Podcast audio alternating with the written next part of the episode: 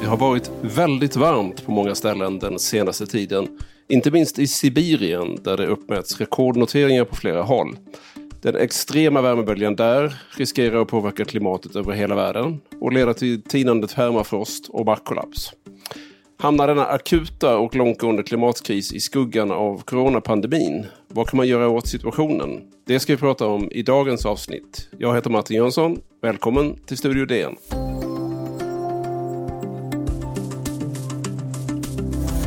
Dozens of wildfires are torching what should be one of the coldest places on Earth. 72 wildfires are burning across Russia right now. Many of them are burning north of the Arctic Circle in Siberia. Satellite images show the hotspots and smoke in the North. Vi hörde där ett inslag från Weather Channel i förra veckan om rekordvärmen i östra Sibirien. I orten Verkhojansk så uppmättes hela 38 grader och på flera ställen norr om polcirkeln härjade utbredda bränder. Vi har också sett enorma slukhål och jordkratrar som uppstått när marken helt enkelt kollapsat. Det är omskakande rapporter. Välkommen Maria Gunther, Dagens Nyheters vetenskapsredaktör, för att diskutera detta. Tack så mycket. Kan du ge ett perspektiv? Hur, hur extraordinärt är det med 38 grader i en ort som eh, Verkhojansk? Alltså det här 38 grader, om den, om den temperaturen håller så är ju det den högsta temperatur som någonsin har uppmätts då i, i Arktis. Man, sen, det kan ju hända, man har haft, jag tror att det har hänt två gånger tidigare som man började mäta temperaturerna i slutet av 1800-talet, att man har fått temperaturer som liknar den här på platser. Men det som är speciellt är att det här har hållit i så länge, det är en så lång värmebölja.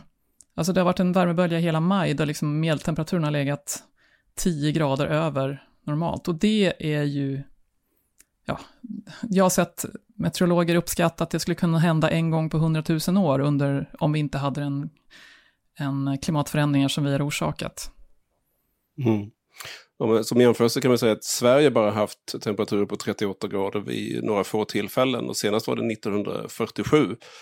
Eh, så det är ju oerhört varmt och som du säger 10 grader högre temperatur än normalt både i Eh, Sibirien, Alaska, eh, Antarktis under maj som då blir den varmaste majmånaden någonsin. Om man tittar på kort sikt i de här områdena i östra Sibirien, vad får det för effekter? Ja, alltså det, ju, det, får ju effekter eftersom det är många de här samhällen som man, de faktiskt är byggda på permafrost. Alltså att de, de, de är byggda, så att vi har till exempel sett att en, eh, en stor behållare med, eller en enorm behållare med, med, med diesel eh, brast och det var liksom många, 10 000 ton tror jag diesel som rann ut och för, gjorde en massa, ja, ställde till enorm skada förstås. Och det var just för att, för att eh, marken tinade på sätt den inte skulle. Vad in, eh, berätta kort på, vad är permafrost? Alltså permafrost kan man ju säga, det är lite som att kärlen aldrig går ur jorden, alltså att marken en bit ner alltid är frusen. Alltså det jag menar, naturligtvis de översta lagren tinar ju på sommaren, men det är ändå så att man har, man har som en grund av kärle, eller alltså frusen mark. Och när det är då tina, då, då kommer det också olika gaser från metan och annat som driver på uppvärmningen. Ja, det, dels kommer, släpps ut då, kan det släppa ut enorma mängder metan. Metan är ju en jättestark eh, växthusgas som är ju mycket, mer, mycket starkare än koldioxid.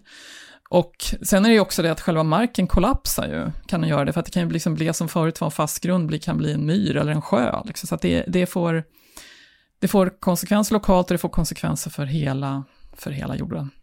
Just för att det skyndar på uppvärmningen ännu mer. Mm. Kan du ge några exempel på just de globala klimateffekterna på vad det här triggar igång?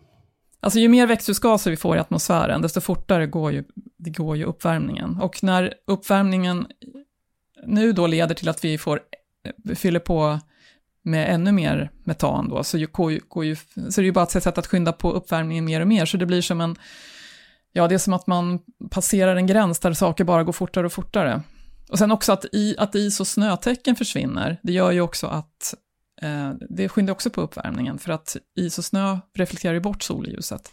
Så det, det, är liksom, det är en av de här som man kallar de här tipping points, eller mm. de här som, där det inte finns någon återvändo när man väl har passerat dem.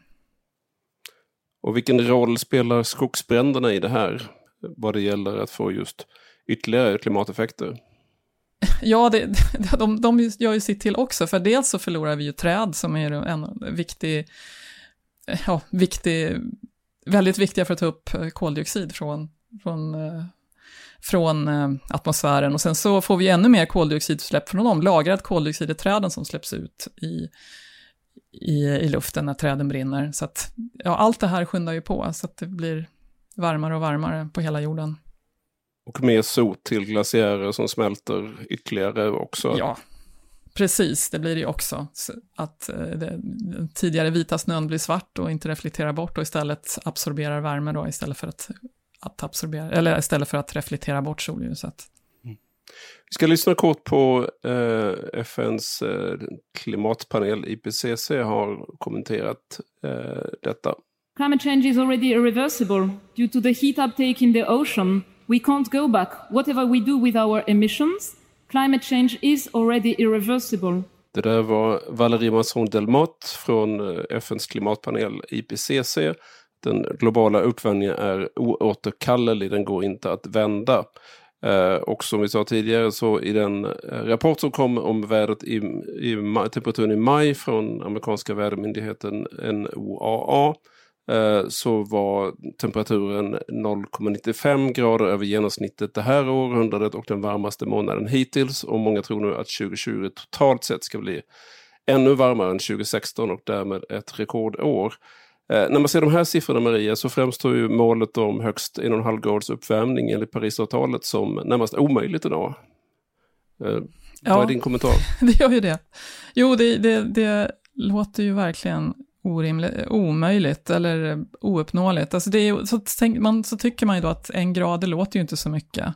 Men det är ju en grad, då får man tänka på att det är liksom en grad i medeltal på hela jorden, alltså just närmast längst eh, närmast polcirkeln så blir uppvärmningen mycket, mycket större och får mycket, mycket större konsekvenser. Vi fortsätter i det här ämnet om en liten, liten stund.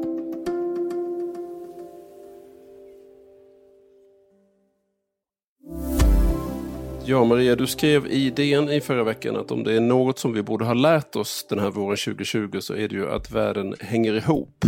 Det som sker på en marknad i Wuhan kan få dödliga konsekvenser för, för hela världen. Har vi lärt oss detta? Har det sjunkit in när det gäller just klimatet? Nej, det har det ju inte. Och jag tycker egentligen inte att det verkar ha sjunkit in speciellt mycket när det gäller pandemin heller. Men eh, det är ju, alltså det är jättelätt med pandemin att vi fördömer vad kineserna gör med sina djurmarknader, men vi tänker då inte på att vi, det sätt vi lever på, det påverkar ju klimatet på hela jorden och alla andra på samma sätt som, eller kanske ännu mycket mer än vad djurmarknaden i Wuhan gör. Vad är det som krävs? Vad är det vi borde, eller måste förändra redan nu för att vi, det, vi ska kunna bromsa den här utvecklingen? Alltså det är ju, det, rent krasst är det ju så att utsläppen måste ner till noll. Och hur det praktiskt ska gå till, det har jag inte svaret på. Men det måste ske om vi ska kunna nå Paris, eller om vi ska kunna begränsa ut, eh, uppvärmningen till, till rimliga nivåer, eller till nivåer vi kan hantera. 2018 var ju eh, också en väldigt het sommar där även Sverige drabbades av stora skogsbränder och eh, det kändes väl då som att medvetenheten om, om eh, det akuta klimathotet eh, väcktes hos många. Vi ska lyssna på ett inslag från eh, just 2018 där klimatkrisen diskuteras just utifrån den varma sommaren.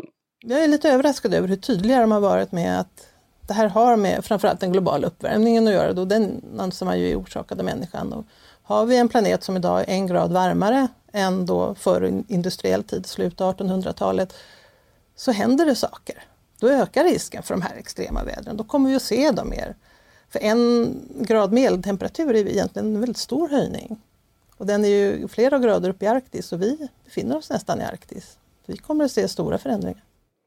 Det där var DNs klimatreporter Jannike Kidberg ur en debatt i, på dn.se 2018. Eh, håller du med om att det var en ökad medvetenhet efter den sommaren i Sverige vad det gäller klimathotet, Maria? Ja, det tycker jag absolut. Att det, det, det, alla pratar ju om klimatet. Och, och jag tycker nog att den medvetenheten höll i sig en del också. Jag tycker att Greta Thunberg har gjort väldigt mycket också för att med, medvetenheten. Men frågan är om vi kan, kan tänka på det också nu när vi istället tänker på pandemin. Om vi kan ha två tankar i huvudet samtidigt. Är världen för fixerad vid coronapandemin så att klimatkrisen hamnar i dess skugga?